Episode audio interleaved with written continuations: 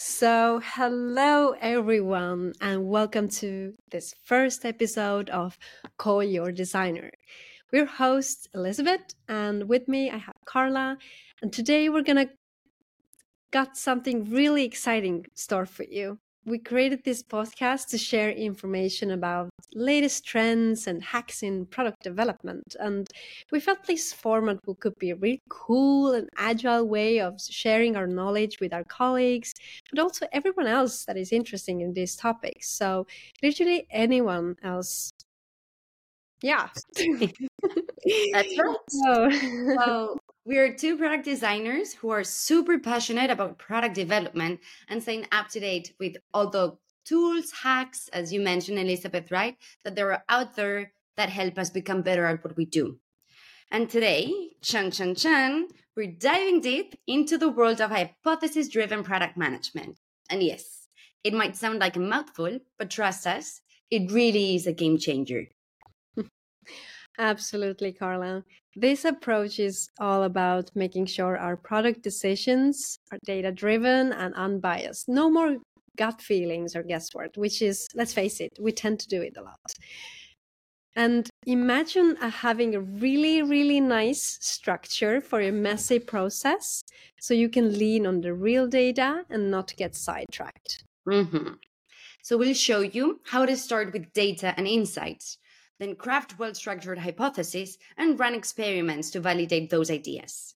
It's basically like having a crystal ball that guides you on your product development journey.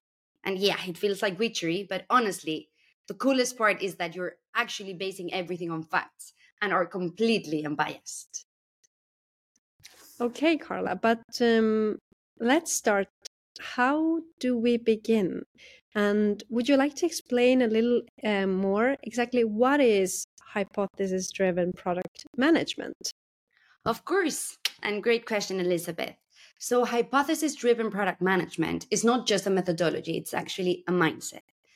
It's about ensuring that our uh, that every product decision we make is backed by solid data and not influenced by our personal biases.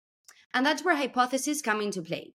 So, a hypothesis is a well crafted, educated guess that is rooted in insights that guides us uh, through our development product decisions. So, with hypothesis, we're not wandering in the dark. We have a clear path, like a little North Star, right? That leads us to creating features and experiences that our customers truly want.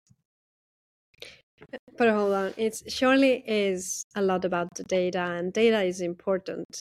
But I believe we also need a research plan, a blueprint that tells us how to gather the right data, run experiments, and uncover insights. It's just like having a treasure map, isn't it? Exactly. So, the beauty of hypothesis driven product management is that it's an iterative process, and we're not afraid to fail because failure is just another step towards success. Um, I, I have to say, we have been using experiments to learn more about the product. For example, visualizing a prototype to learn and adjust is a great way. And by testing our hypothesis through experimentation, we gathered real world feedback, make data driven decisions and we can adjust quickly if it it if it was not working for us and we also get the information what needs to be improved and to refine our products until they're just right in that minimum viable product mindset or even better okay minimum lovable products Exactly, exactly.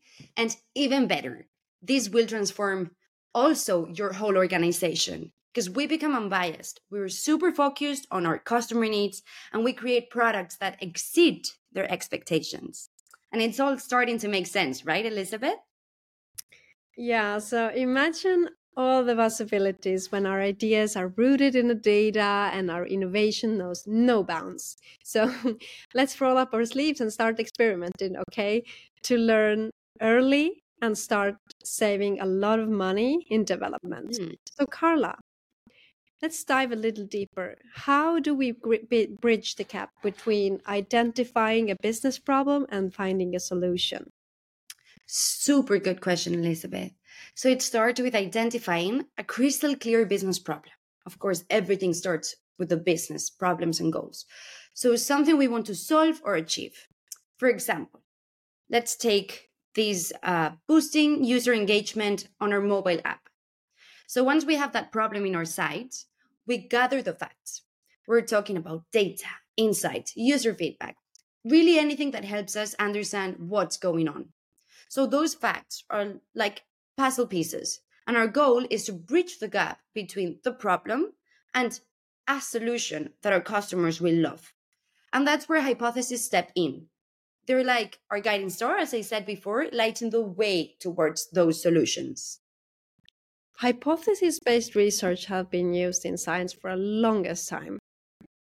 So, but how do we craft these hypotheses for business problems? I feel like it's a million dollar question. Mm-hmm. Well, it, it all starts with brainstorming and tapping into our collective creativity. So we all need to come together and join forces here. Now we look at our research, uh, customer feedback, market trends, even for inspiration. Basically, everything we have, right? And then we bring in the engineering part. So we're gonna follow some criteria to ensure that our hypotheses are top notch. And again, for the hypothesis also to not be unbiased, that's the whole reason why we're using research. So hypotheses, they must be specific, measurable, testable, and most importantly, they have to be relevant to our business goal. Hmm. Carla, could you break this step down so we could grasp a little bit how to apply this method? Of course. Let's break this down with an example. So, say our business problem is increasing user engagement on our mobile app, right? As I said before. In that case, we gather all the facts uh, we can get our hands on user behavior data, surveys, competitors' analysis, the works basically. With those insights, we craft a hypothesis like this. So, if we implement gamification features that reward users with points for completing tasks within the app, then we will see an increase in daily active users and longer session durations. Okay, so what I'm hearing is that needs to be specific, measurable, and testable.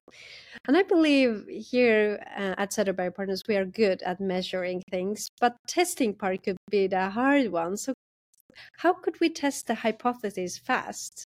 Of course. So, that is actually the part that I enjoy the most of this process, and that is conducting more research and experiments to put our hypothesis to test. So essentially, we will use these experiments and, of course, all the additional research that we might find out that we need uh, so that we can conduct and validate or test if our hypotheses were correct in the, fl- in the first place or if they need iteration. So, for example, our mobile app hypothesis. So we could introduce that little gamification feature and closely monitor user activity. So we're not going for the whole thing or for the whole final solution, but we're going to do a little experiment. So, for example, uh, we track daily active users, session durations, basically everything we can. And through research and experimentations, as we gather this real world feedback, uh, we will start gaining all the data and insights that will help us identify the hypothesis, if the hypothesis was um, correct or not. So it's literally like a treasure trove of insights that either confirms or refines our hypothesis.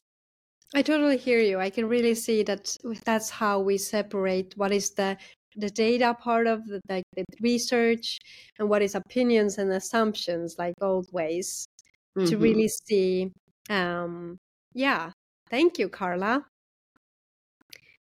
um I believe I totally hear what you say. I believe that first and foremost, hypothesis testing shields us from the dreaded product failure. It saves us from the cost fallacy bias that we're going to talk about our next episode, which basically indicates that we are so invested in our old ideas sometimes that we have a blind eye how much it's going to cost us. We don't really want a product that our customers won't use. That is completely right. Uh, so by validating our hypothesis up front, we ensure that our creations are actually going to meet and exceed customer expectations, right? But doesn't stop there, right? Hypothesis testing also lowers our risk associated associ- risk associated with our product development. We make informed decisions. okay, cut. It really doesn't stop there. Hypothesis testing also lowers the risk associated with product development. We make informed decisions based on the real data and not the assumptions and biases. Mm-hmm. And for our business oriented listeners, the best part of all, it also leads to more efficient resource allocation. So basically, better control of our budget. And of course, continuous improvements based on. You guessed it, real world feedback. So that's it for today's episode. Okay, cut. That's it for today's episodes of Call Your Designer. Thank you Carla, for and thank you, listeners, for joining us for journey of innovation and transformation. Mm-hmm. We hope you enjoyed our deep dive into hypothesis driven product management. And remember, this approach can supercharge your product development process. And of course, if you have any doubt, feel free to reach us. But also, if you want to dig a little bit deeper, we're going to be adding additional material for you to go through, linked to this episode. So go out there and apply these principles. So, and let's elevate boring, not working products into greatness. Until next time. Bye. Bye. Good job, Carla.